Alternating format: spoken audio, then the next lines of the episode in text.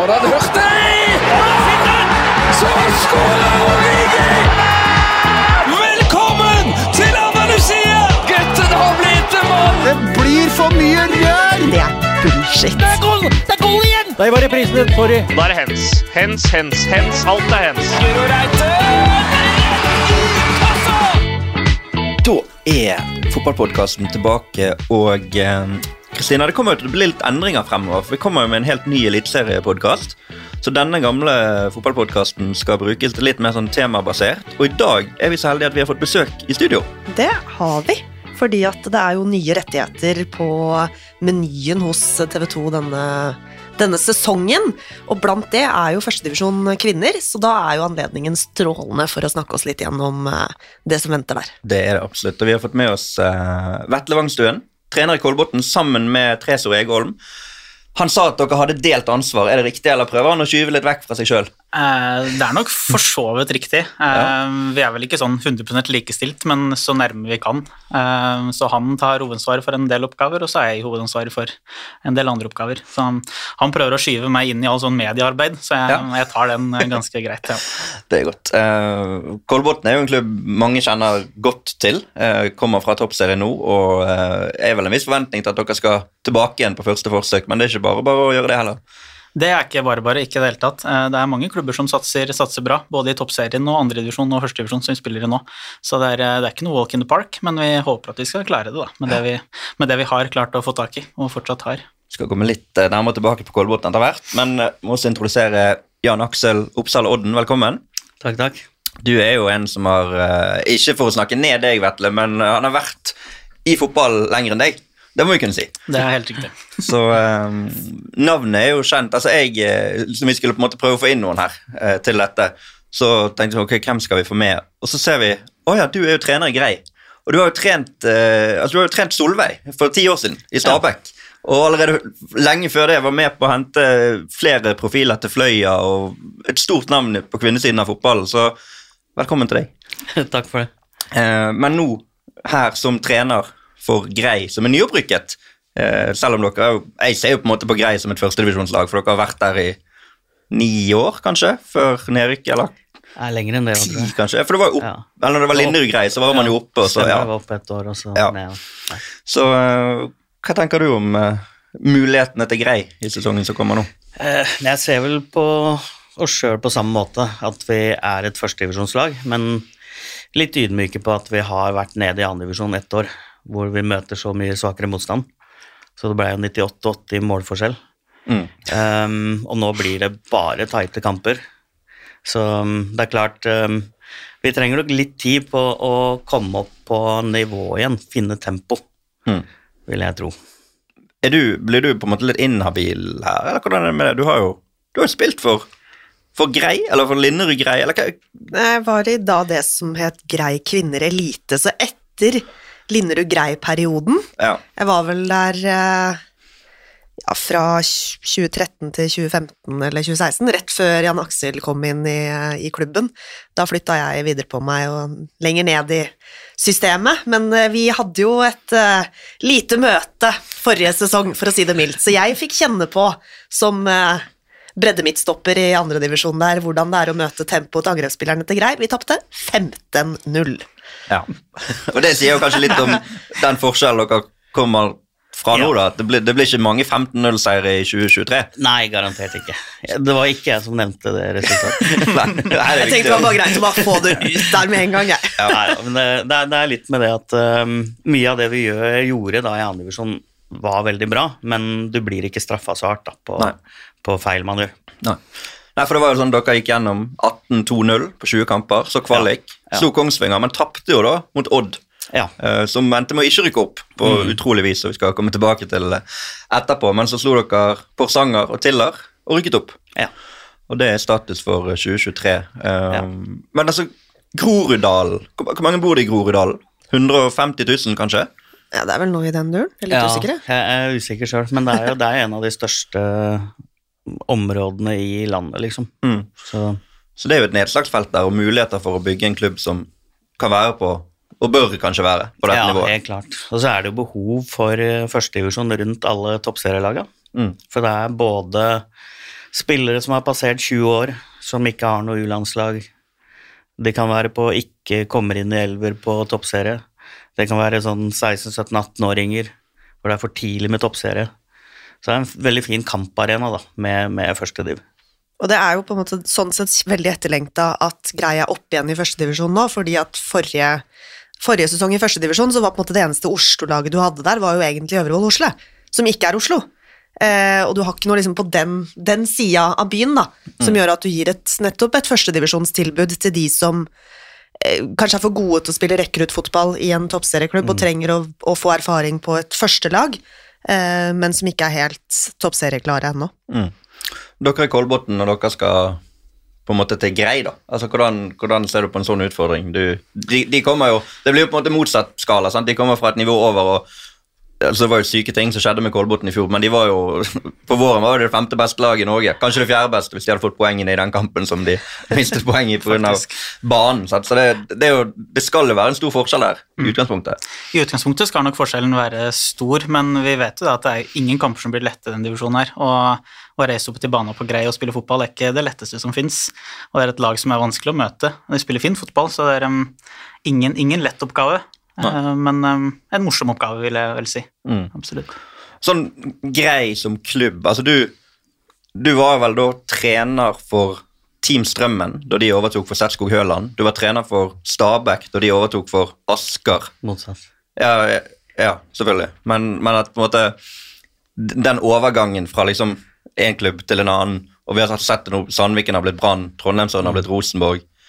Uh, det var en til som eh, En klubb til jeg tenkte på som Ja, det er for så vidt ikke så viktig, men Altså, ja, altså, team, kan... team Strømmen ble jo Ja. LSK Kvinner igjen. Det var Ja. den jeg tenkte på. Ja. Altså, De store klubbene på herresiden da, på en måte tar mer og mer over. Eh, er det på en måte liv laget for en del av disse tradisjonsrike klubbene? Kan komme tilbake til det samme på Kolbotn i toppfotball for kvinner fremover, tror du? Jeg vil tro det, men det må være en ganske tøff prioritering, da, i forhold til at man må skjønne hva toppfotballdamer er, og så må man legge nok i det. Så, for det er en blanding av det med man, man trenger å få hjelp til å komme i gang med nok midler da, for å henge med uh, i serien og toppserien og internasjonalt. Men samtidig så må også klubbene skjønne at man er nødt for å bygge samtidig for å bli mer selvbærende, da. Mm. Så, så det er en balanse der. Uh, men uh, jeg tror det må være rom for sånne lag. Um, sånn at det er en mulighet for det, i hvert fall. Mm. Uh, Jeg tenker jo litt at de laga som kanskje ikke har den økonomien eller de fasilitetene, må være ekstremt rå på noen andre ting, da. Som kanskje de herreklubbene ikke er så rå på. Så det er, må finne sin plass og kanskje finne sin vei inn i toppfotballen, da. Og måten å holde seg der på. Mm. sånn. Og Vi nevnte jo Linderud-greie. Det var 2010 og 2011, sjekket jeg nå, at de var oppe i, i toppserien. Sant? Så eh, det er vel ikke målet i år, men på sikt er det sånn at man ønsker å komme enda et hakk opp igjen, tror du? Eller er det måte at man finner sin plass på førstedivisjonsnivå? Eh, nei, altså det er, det er jo ikke mange år siden vi hadde kvalik til uh, toppserien. Så, um, og nivået er såpass jevnt i førstedivisjon. Og jeg klarer ikke helt å se hvorfor f.eks. Grei ikke skal kunne gjøre det Røa har gjort, f.eks., eller det Kolbotn har gjort. Mm. Hvis det skulle passe. Men man må legge nok i det. Ja. Um, og der er jeg imponert over Grei nå, som tok inn damelaget og hatt et herrelag som har slitt og rykka ned, har likevel klart å sette verdien da, i toppfotball damer. Det er noe jeg ikke har sett så mye i alle åra jeg har holdt på. Mm. I forhold til det med herre, herrebiten. De klarer å akseptere begge deler. Så det har gått.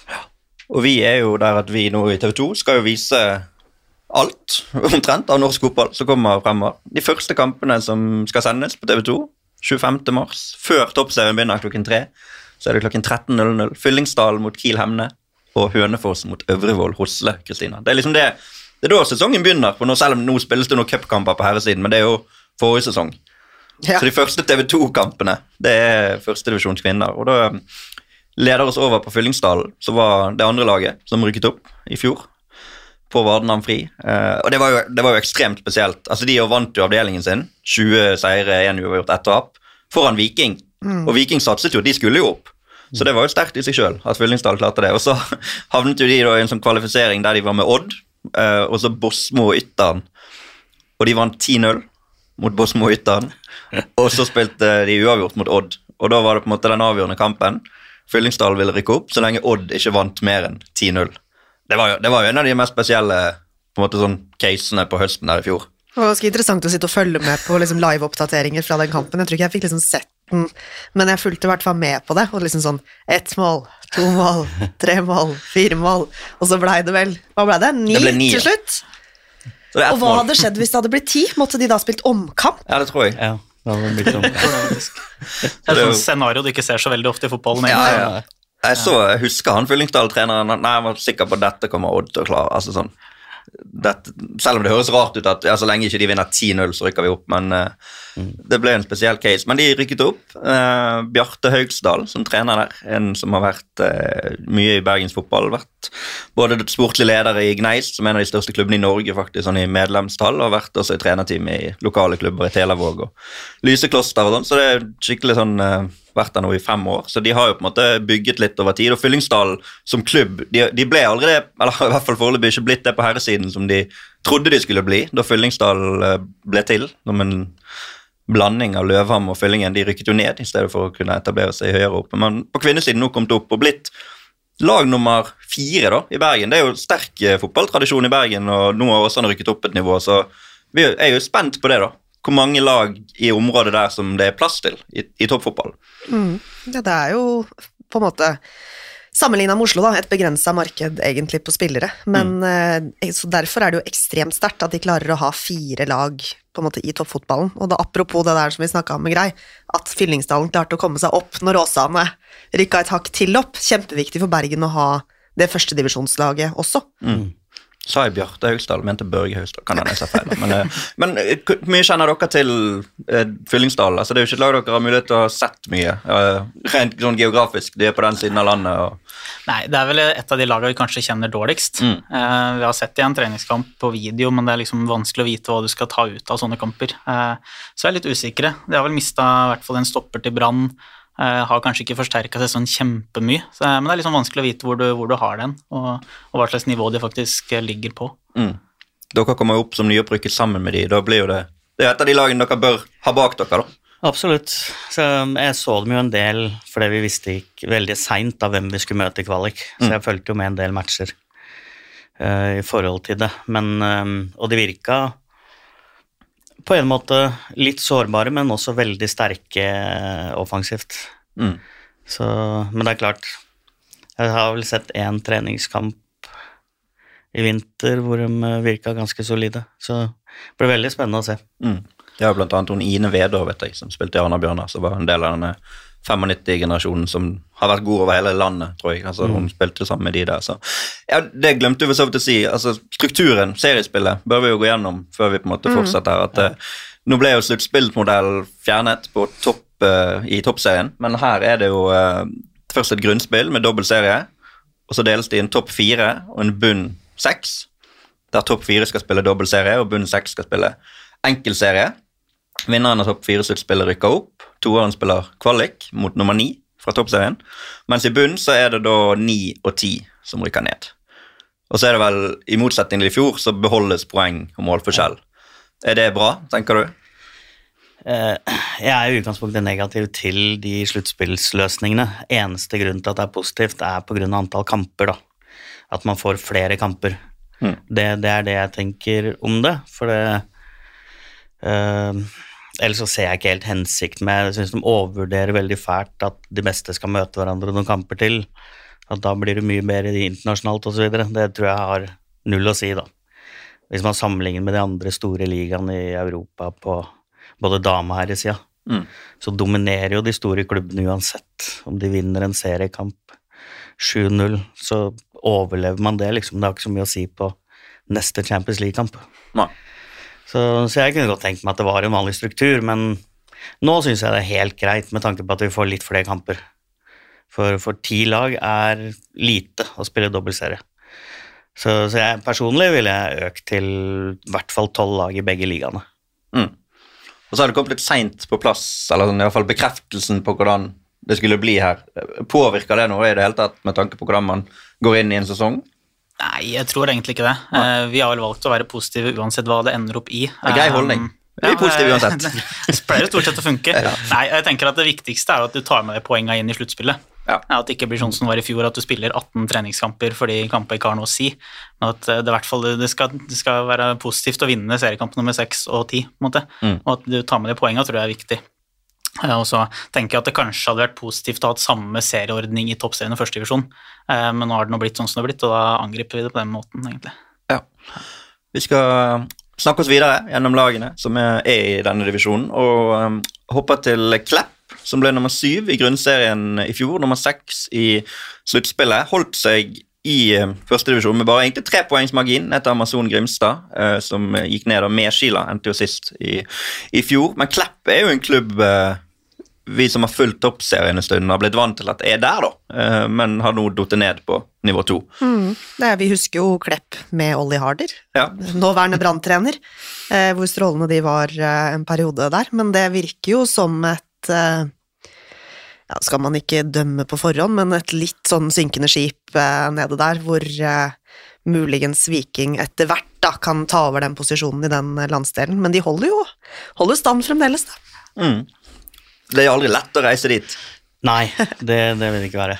Men uh, det, det har vi mista. Altså de, de begynte tidlig da, å samarbeide med skoler og drive på med spillerutvikling, og det har de vært gode på. Uh, fått opp mye egne spillere, men så har de også mista dem de siste åra. Ekstremt mange da, fra toppserielaget sitt. Og i tillegg fortsetter å miste litt også til annet Viking og noen andre lag. Så det er klart, uh, det, det er tungt når du driver så god spillerutvikling, og så klarer ikke å få utnytta dem på seniornivå. Mm. Ung trener også der. Du, du er 26? 26, Eh, Preben Gausland Stangeland, ny trener i Klepp nå, han blir 27 i morgen. Det er god research. Det var tilfeldig at jeg så det, men eh, en gammel Instagram-post fra sånn type 14. mars eh, et eller annet år.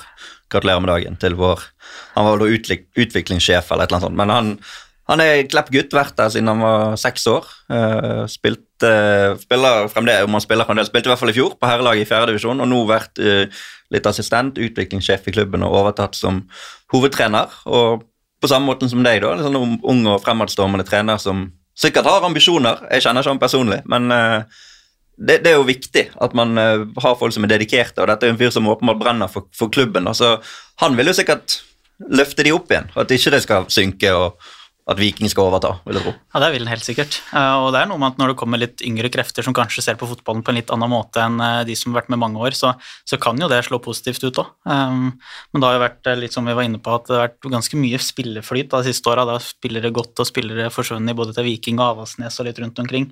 Så det er litt vanskelig å si hva vi møter der òg. vi har fått sett de i en treningskamp. Det ser ålreit ut, det også. Har henta et par proffer fra USA. Vanskelig å vite om de treffer eller ikke. Det er jo litt sånn bingo noen ganger. Men um, det er nok et lag som kan, kan prestere ganske bra. Og så er det, får vi se litt hva, hvordan de klarer å stå seg hele sesongen, tenker jeg. Mm.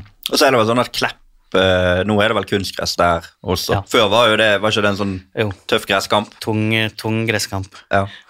Så det, det, blir, det, blir, det blir lettere å være bortelag da enn det var før. Men eh, uansett et, et lag som er spennende å følge med på i kraft av det de har vært. Og eh, Mm, selvfølgelig fremover og se hva posisjon man tar. Um, hopper til Gran Bodø, som ble nummer åtte i grunnserien i fjor, nummer fem i sluttspillet. De har jo en trener som har et større navn, eh, Cato Hansen, som har vært eh, Bodø-Glimt-spiller sjøl. Har vel også trent herrelaget til Bodø-Glimt faktisk i en kort periode der for en 12 11-12 år siden. Vært nå tre år i, i um, Bodø Ikke Bodø-Glimt, men Gran Bodø på kvinnesiden. Hva vet vi, hva vet vi om Hva vet vi på en måte om eller, Dere vet jo mer enn oss, men når du tenker Gran Bodø, er det, er det også et lag det er realistisk, tror du, at Grei kan havne foran på tabellen? Det tror jeg. Mm. Uh, ut ifra fjoråret, så mista han vel hun stopperen. Uh, Skjelstad Jensen, er det ikke det? Jo. Uh, men så så jeg nå i det siste, så har de jo fylt opp litt igjen. Henta jo Ina Kristoffersen fra Stabæk. Og et par fra utlandet. USA, ja. USA, ja. Og legg til at hun keeperen, det er klassekeeper. Det er Mm. virkelig, virkelig kupp, altså. Det er- Hun kunne nok vært god for å ha stått en uh, typ fjerde, femte, sjetteplass-lag i toppserien, faktisk. Såpass. Så der har de funnet en ordentlig juvel. Ja, det De blir spennende. Hun å veldig fornøyd sjøl òg. Og det er jo også en klubb som har vært oppe, som har vært toppserieklubb, uh, men som aldri klarte å helt ta det steget helt opp, kanskje, da. Og du har jo, altså, du har jo vært lenge eh, Hvor vanskelig tror du det er? Altså, en ting er det vi snakker om Oslo-fotball, og her er det så og så mange klubber, og i, det er jo en stor landsdel geografisk, men det er jo færre folk å ta av eh, Ja. jo lenger nord man kommer. Det er ikke noe tvil om. Og sånn jeg hadde det når jeg hadde Fløya, f.eks., Mm. så var det jo lettere å hente folk fra utlandet enn å hente fra Oslo. Ja. Eh, Så, så det, er, det er krevende. Så jeg skjønner godt at eh, de ser på spillelogistikk på en eh, helt annen måte. Mm. Så, um, og der er jo det igjen Gran Bodø kontra da Bodø-Glimt, for eksempel. Hvor lett er det å holde på det hegemoniet der? Nå er vel så vidt jeg vet planen om at det skal bli Bodø-Glimt neste år, da. Mm. Så um, uten at jeg vet noe om det, så vil jeg kanskje tro at det er noen i gult og svart som er litt inne og hjelper til allerede nå. Mm. Det ville ikke vært unaturlig, i hvert fall. Eh, Så vi ser hvordan de klarer å tra det videre, da. Da er det ekstra viktig at de holder seg på dette nivået, i hvert fall. Da. At ikke du på en måte må begynne enda et hakk lavere, hvis man kan unngå det. Ja.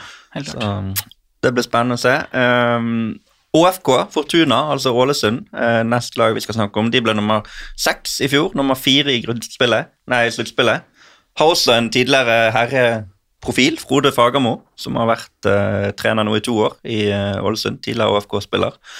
Eh, og eh, spiller på Color Line stadion, så de har jo fasilitetene på plass. og eh, alt, Jeg syns alltid det er gøy med Ålesund. Det, er, det er et eller annet med Ålesund, om det er herrer eller kvinner. Det, det er et eller annet der, Om det er draktfargen eller Det er et eller annet som gjør at Ålesund blir litt interessante. Alltid. Ja, og dette året, holdt jeg på å si, eller var vel i fjor òg, er det vel kanskje at eh, det er en Solskjær?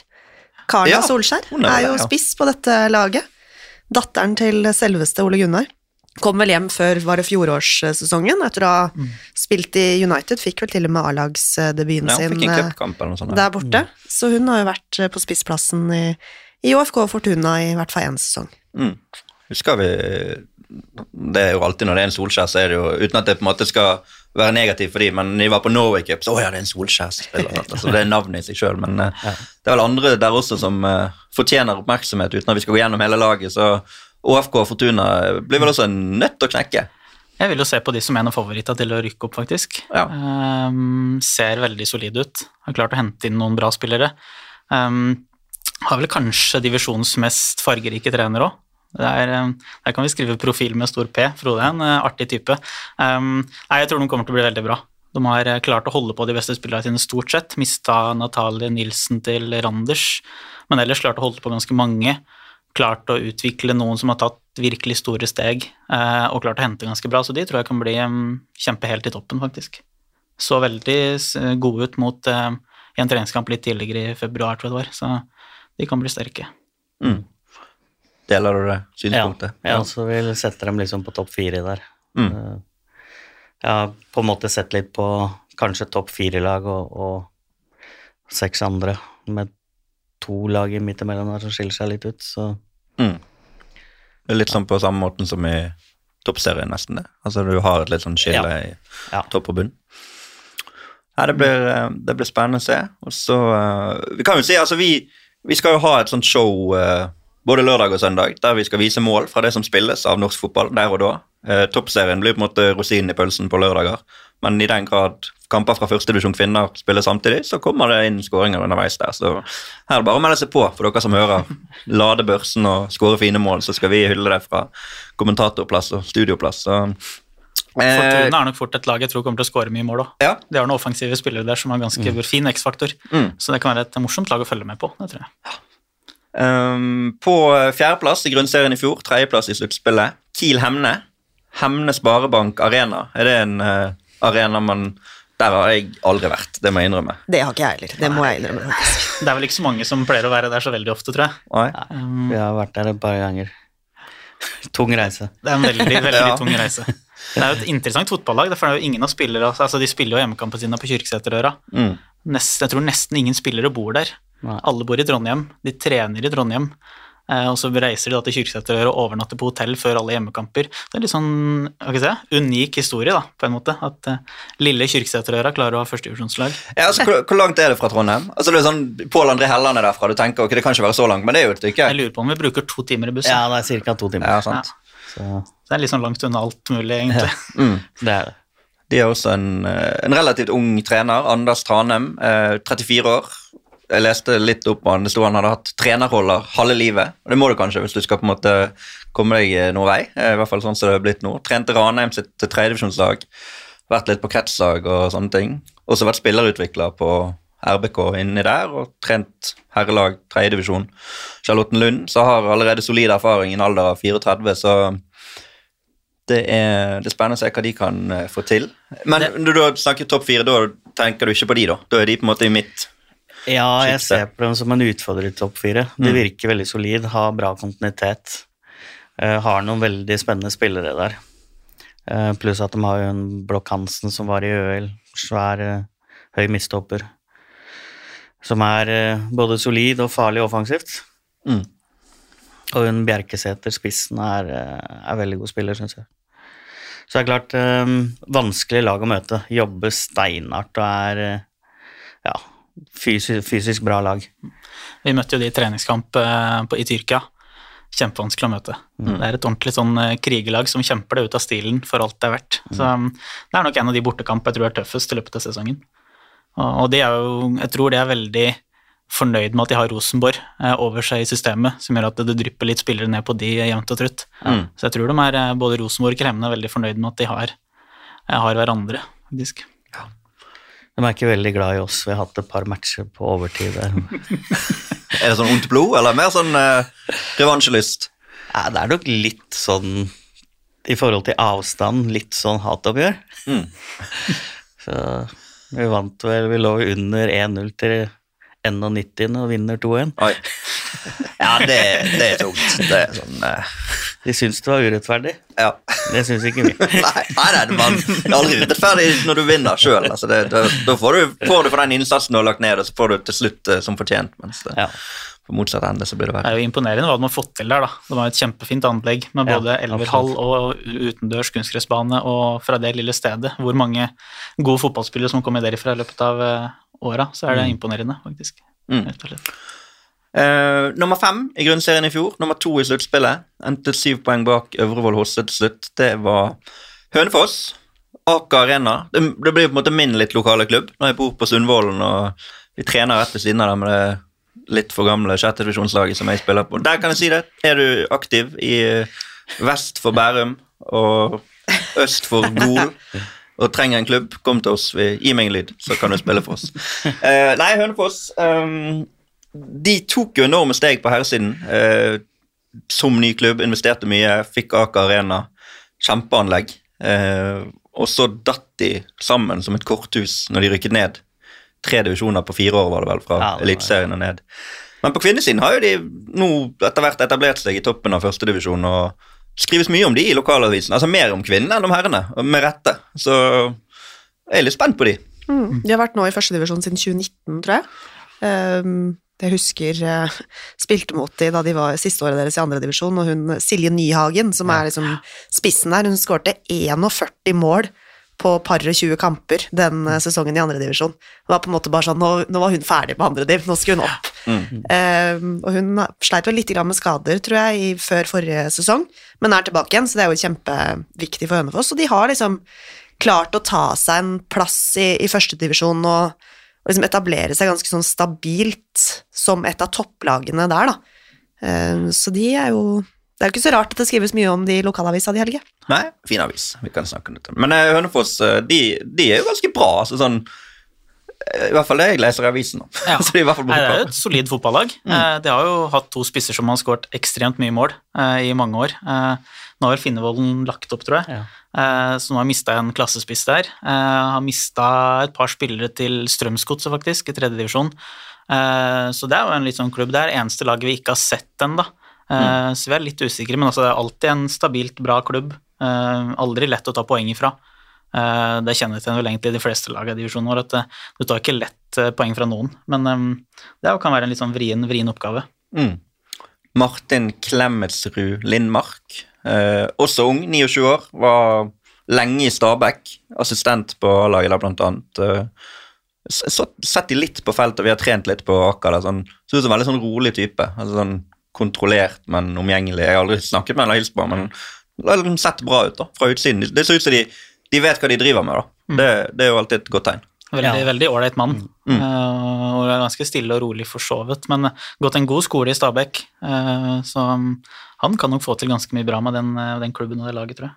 Ja, absolutt. De, jeg også er litt sånn usikker på hvor de står nå i forhold til at de har noen utskiftninger uh, i forhold til det de har hatt tidligere. Og det er klart Finnevolden som legger opp, er, eh, er En stor skrell. Ja, en stor skrell.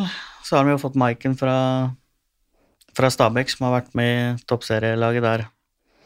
Vært hatt en del innhopp i toppserien, men spilt mye annendivisjon. Men vanskelig å si hvor, om hun tar, tar det steget og blir stabil i første. Mm. Sammen med Nyhagen, da. hvis hun er tilbake igjen for fullt, så er det jo et mareritt. Hun kan skåre mål mot alle. Det er Ja, hun, hun er god. Er spennende å følge med på. Som vi nevnte, møter Øvrevoll Hosse i første seriekamp. Eh, og Øvrevoll Hosse er neste lag for oss. De ble jo nummer tre i grunnserien. Vant sluttspillet. Spilte jo disse høydramatiske kvalifiseringskampene mot Avaldsnes. Og det, altså det var jo De kunne like gjerne vært et toppserielag nå.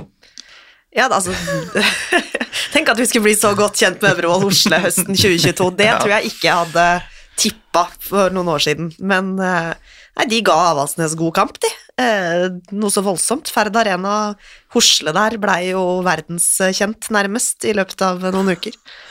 Og som du sa, ikke et Oslo-klubb, men det er ikke langt unna. Nei, det er jo bare så vidt at de har hoppa på utsida av det der 'Velkommen til Oslo'-skiltet, for å si det sånn. Mm. Så det er jo i praksis uh, Stor-Oslo, i hvert fall. Men uh, utskifting på trenersiden. Tommy Stenersen ga seg etter forrige sesong. Fått inn Raymond Mikkelsen, Kenneth Østerås. Så vidt jeg skjønner, har vært mye i Vålerenga kvinner. Vært involvert der. Mm. hva forventer vi av eller dere da, som skal møte dette laget i 2023 av Øvrevoll Hosle? Et lag som er godt på hjemmebane. Uh, Ferd Arena Horsle er en ekstremt liten fotballbane, så det er ikke så mye rom å spille fotball på der. Um, sikkert òg den stadion i norsk fotball hvor det er eh, Du må nesten løpe maraton fra garderoben fram til bort til fotballbanen. men nei, det er det, og et sånt lag som kan kjempe det litt ut av stilen. Der er det vært en del utskiftninger de siste åra. Har vel alltid hatt et lite mål om å rykke opp, og har liksom akkurat ikke klart det år på år. Spennende å se om de får det til i år. Eh, Jeg tror nok at de har vært bedre rusta tidligere, um, men det er klart overgangsvinduet er fortsatt åpent, og muligheten er jo der fortsatt. Um, Men eh, spennende hva de får til. Mm. De er jo litt sånn sammen med Gran Bodø og Stabæk, for så vidt. da. Godt samarbeid med NTG. Så de drar jo noen eh, goder ut av det. Spennende å se hva de, hva de får til. De driver jo veldig godt med, med spillerutvikling, det, det skal sies. Og de, de har en god plan på å fylle opp hver gang de mister spillere, uten å måtte hente utenfra. Um, men litt spennende å se nå, for nå med trenerapparat så blir det nok litt endring i type kultur. Det har jo vært et ekstrem krigelag.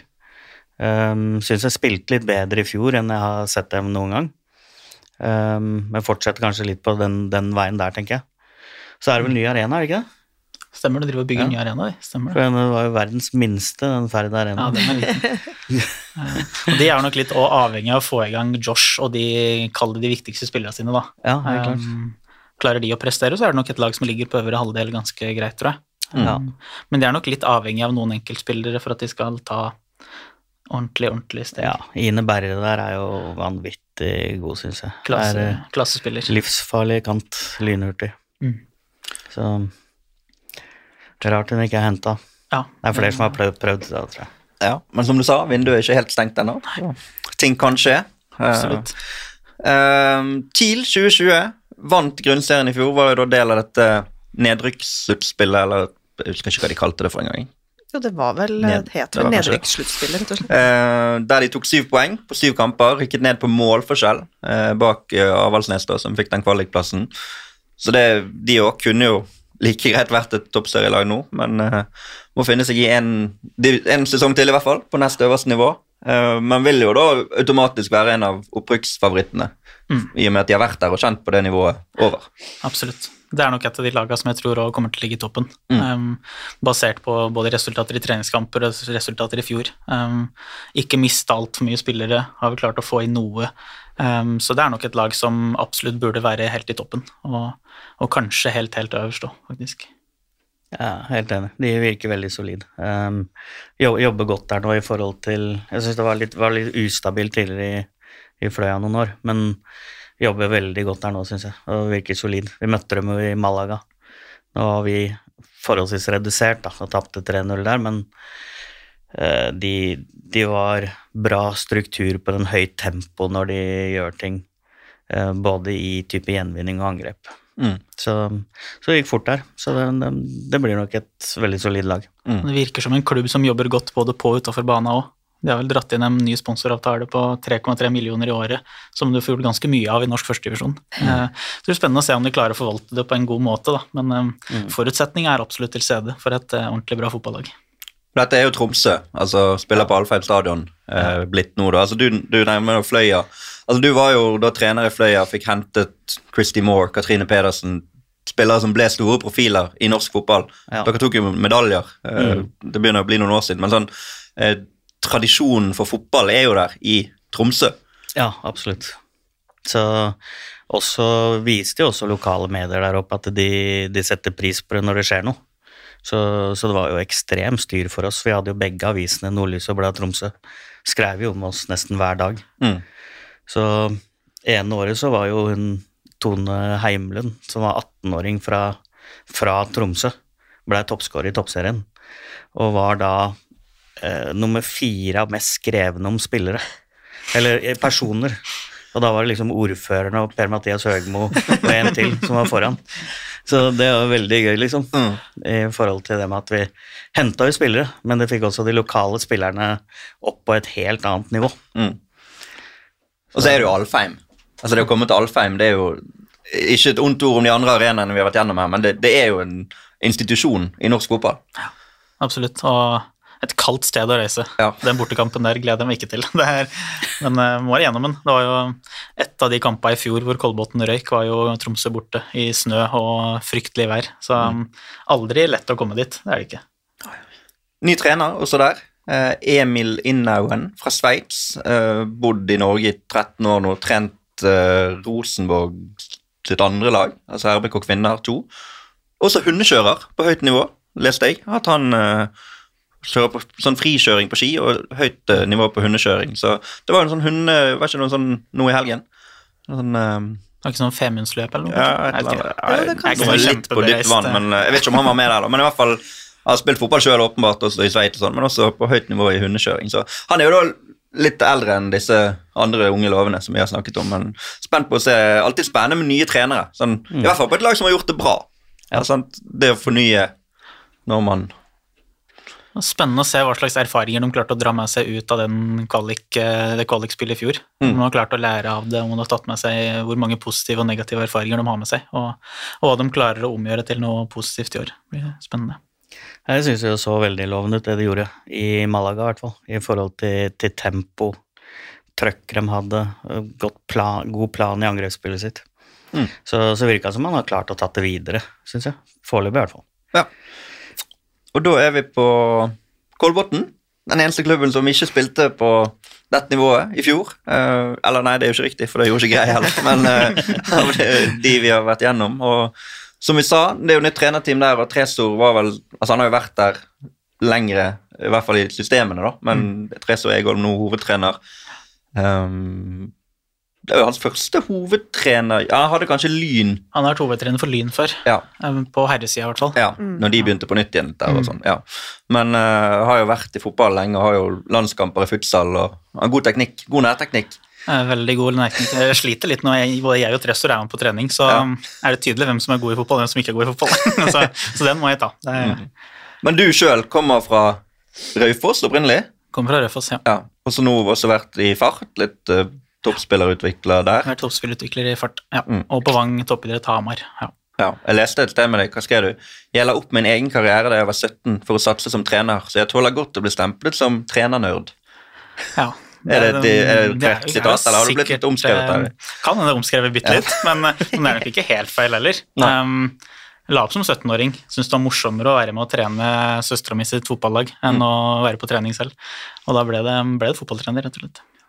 Men dere to som duo da, har da fått i oppgave å eh, løfte Kolbotn tilbake igjen, som uh, Ja, vi har jo vært innom det før i denne podkasten, og andre ble nummer fem i grunnspillet i toppserien. Gikk egentlig glipp av en topp fire-plass pga. poengtrekk i forbindelse med en bane som ikke var klar. Mm. og endte da opp med å ta kun fem poeng på de syv kampene i nedrykkssluttspillet. Det, var en- det var en ekstremt spesiell sesong. Fotballen er brutal noen ganger. Den er det, altså. Men um, sånn er det. Sånn er det. Og um, har jo mistet en del spillere, men som vi har snakket om før, de har fått inn noen solide òg, Kristina, som man gleder seg til å se på dette nivået. Mm. eh, Det er jo en som Jan Aksel kjenner fra i fjor, blant annet, Johanne Fridlund, som eh, må gå an å si hadde et innholdsrikt 2022, der hun starta året med å være Lazio-spiller og være på A-landslagssamling med Norge i Algarve, og avslutta sesongen i andredivisjon med Grei, og nå er hun førstedivisjonsspiller. Men det er jo en, for de som har fulgt med på kvinnefotballen, en eh, en fotballspiller med noe helt eget, sånn teknisk og Altså en ekstremt god fotballspiller, og så har hun vel kanskje ikke helt på en måte fått ut det potensialet som man vet lever i henne, da, men uten tvil en meget, meget dyktig fotballspiller. Var du overrasket når hun plutselig var under dine vinger i fjor? Nei, eh, jeg jobba jo allerede fra mai med å få henne etter sommeren. Mm. Eh, kjenner henne jo godt fra før. Henta henne når hun var på en måte ferdig i Vålerenga. Eh, hvor hun ja, fikk vel ikke helt til der, så fikk liksom hanka henne inn igjen til å begynne å spille fotball igjen. Så, mm, og når hun trener for fullt, så er hun ja, helt fantastisk. Altså, uten trening så var hun god i førstedivisjon.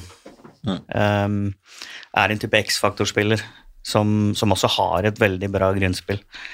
Så, så jeg syns, når hun har vært i en del toppserieklubber, mener jeg hun er blitt undervurdert litt, og hun blir bare sett på som X-faktor. Og det blir ofte brukt som en grunn til at hun ikke skal starte. Og hun sjøl har jo sagt det at hvorfor vil du ikke starte med X-faktor? altså, det, det blir litt spesielt, for, for altså, hun jobber godt. Det, vi har jo sånn GPS-tracking, ser på løpinga hennes, løper godt. Så ja, fantastisk spiller. Så det var tungt. Så nå er Kolbotn blitt hatklubb. Ja, tar den. Ja, vi er veldig, veldig fornøyd med Johanne. Vi er det. det er, um, vi ser det på noen treninger av og til at um, det er noen ferdigheter der som egentlig ikke hører hjemme i førstedivisjon, uh, men uh, desto bedre at vi har ei i vår tropp. Og så må vi prøve å holde skadefri hele sesongen. Det, det gjelder vel egentlig litt for, for hele troppen uh, og alle seniorspillere våre. Det er, det er ikke så veldig mange seniorspillere vi har, og vi er litt avhengig av å klare å um, holde alle skadefri så mye som mulig. Mm. Og så er vel det litt eh, nesten umulig i norsk toppfotball å holde alle skadefri hele sesongen, men vi må gjøre så godt vi kan, i hvert fall. Og så har dere også Andrea Wilman på topp der, som også har utmerket seg på nivået over i noen år, og i hermetegn hører hjemme et hakk over, kanskje. Skulle, skulle gjerne sett hun i seriekamper i år, men hun har blitt skada. Mm. Hun ble mm, Vi skal ikke si så mye om det, men hun ble takla litt hardt i Kiel Emne-treningskampen, og da gir røyk korsbåndene. Ja. Så hun er ute hele sesongen. Ja, Så, um, vi hadde en fronttrekk vi gleda oss veldig til å se, med Martine Fenger og Johanne og Andrea Wilman, og nå um, får to av de levere istedenfor. Og det, det skal de nok klare. Så vi er ikke kjempebekymra for dem. Vi skulle gjerne hatt med oss Andrea, selvfølgelig. Ja, det skjønner jeg veldig godt. Um, kan vi spørre deg først, da? Soleklare favoritter, Kolbotn, eller? Ja, i utgangspunktet er de, er de det. Og så tror jeg det blir veldig tøff match med spesielt TIL. Og så tenker jeg Ålesund og Øyvild burde være der oppe. Og så er det litt sånn annerledes under der, i forhold til som sagt, Kiel Hemne kan gjøre det bra, Hønefoss kan gjøre det bra. Alltid et lag som overrasker, av oss andre som i utgangspunktet er litt mer underdog. På papiret, i hvert fall. Mm. Eh, Dere lever med det favorittstempelet?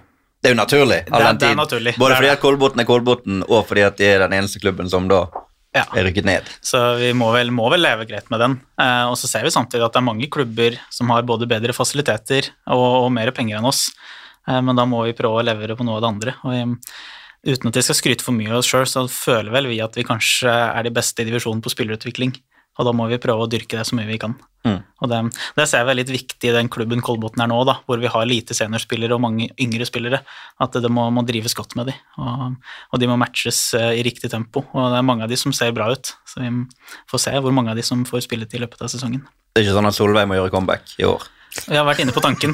Inne på tanken. Ja. Vi har ikke lufta for eh, hun ennå, men plutselig så må vi hente inn igjen. Hun spilte jo noen rekruttkamper i fjor, faktisk, som, som stopper, så um, muligheten er der. Hun Muligheten er der. får, må passe på at hun trener litt, i hvert fall, så har vi muligheten. Ja, Vi nevnte jo ikke Vi har jo vært innom anleggene til alle de andre her. og Sofiemyr, det, det blir jo da et anlegg som skiller seg litt fra de andre. Både på den ene og andre måten. Ja, det kan du vel si. Um, spille på gress. Uh, håper gressbanen blir bedre enn i fjor. Uh, nå har jo kommunen heldigvis kjøpt inn vekstduk, så den skal tydeligvis bli bra. Men um, det er klart værforholdene så langt i år har ikke spilt uh, på, vår, på, vårt lag. Da. Det har vært varmt, og så har det vært kaldt, og så har det blitt is. og så Den er nok ikke klar, eller den er ikke klar til seriestart. så vi må spille de første par hjemmekampene våre på Strømmen stadion frem til gresset er klart, og så får vi se. Mm. Men i utgangspunktet er det da den arenaen den eneste som har gress, vel, i divisjonen? Mm. Ja, jeg tror det. Så det blir jo det, det, er jo forskjell, det, å spille på gress og spille på ja, kunstgress. Det, det er stor forskjell. Så. Absolutt. Vi skal vel ikke ta den kunstgressdebatten her, her og nå, men er, hvis gressbanen er fin, så er gressbanen gressfint. Mm. Men, um, men, uansett, at ni av ti lag altså det, Dere vil jo ha en, en, fordel, i utgangspunktet i hvert fall, i hjemmekampene fordi dere spiller og er vant til et annet dekke enn de andre lagene. Mm. Absolutt. Så vi må jo prøve å bruke den fordelen for alt det er verdt. Og så har jo alle de andre lagene en fordel når vi spiller bortekabane, for ja. vi, vi, trener på gress, så det går litt begge veier der. Men uh, vi får um, håpe at banen blir bra, i hvert fall, så det går an å spille fotball der. Det er det viktigste. Det hadde vært fint. det tror jeg alle lag er veldig fornøyd med, hvis det, hvis det blir sånn. Mm. Da er vi gjennom alle klubbene, Kristina. Jeg er blitt mye klokere. Jeg òg. Håper de som har hørt på oss, har blitt det. Har dere sjøl noe dere tenker vi må legge til før vi runder av, når dere nå har muligheten til å selge inn divisjonen deres eh, for eh, de som hører på? Vi skal jo sende alle altså alle kampene går på TV2 Play. Eh, og blir også mulig å få sett og høydepunkter fra underveis i disse forskjellige konseptene våre. Så vi, vi gleder oss til å få vist frem uh, mye mer av norsk fotball enn det vi har kunnet gjort de siste årene. Og jeg tror mange kamper, eller De aller fleste kamper i divisjonen kommer til å bli veldig underholdende. Da. Er, mm. Jeg tror stort sett alle lag er bedre offensivt enn defensivt. Så det kan jo vitne om at det blir kamper med mye mål og litt, uh, litt action. Så det, det, gleder vi oss til. Ja, det blir spennende. Vi har jo også en i Tine Celine Karstensen som var i Vålerenga blir veldig spennende. Ble jo kåra til årets beste i alle andredivisjonene i fjor. Så veldig glad for å beholde henne. Kristina nikker, sier jeg. Ja, jeg har jo som nevnt tidligere i denne episoden fått uh, kjenne på denne gjengen i 90 minutter, jeg. det var uh, mindre hyggelig som midtstopper. Men du skal ikke spille midtstopper i første divisjon i år? Nei, og det Det kan du garantere? Det kan jeg garantere det er, det er, noen klubber som sliter med midtstoppere, så um, plutselig kommer det telefon. Ja. det er godt. Uh, da er det jo bare å gjenta det, at uh, sesongen begynner 25. mars. To første kampene går på TV2 Play. Fyllingsdal, eller alle går på TV2 Play, men de to første kampene i sesongen er Fyllingsdal Kiel Hemne på Varden Amfi, Hønefoss Øvrevoll Hosle på Aker Arena lørdag 25. mars klokken ett. Og så takker vi dere for at dere var med. Tusen takk, Vetle. Lykke til med sesongen. Takk for det. Og du er klar for nok en sesong i norsk toppfotball, Jan Aksel? Det blir bra?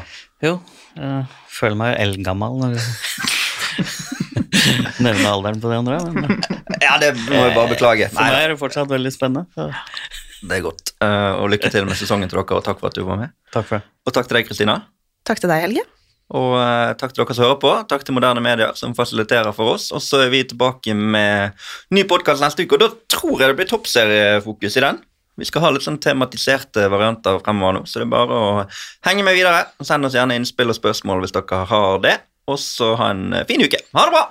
For han hørte Så skårer Origi!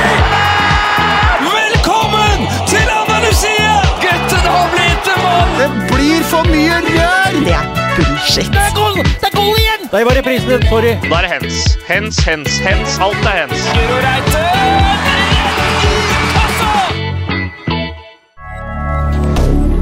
Moderne media.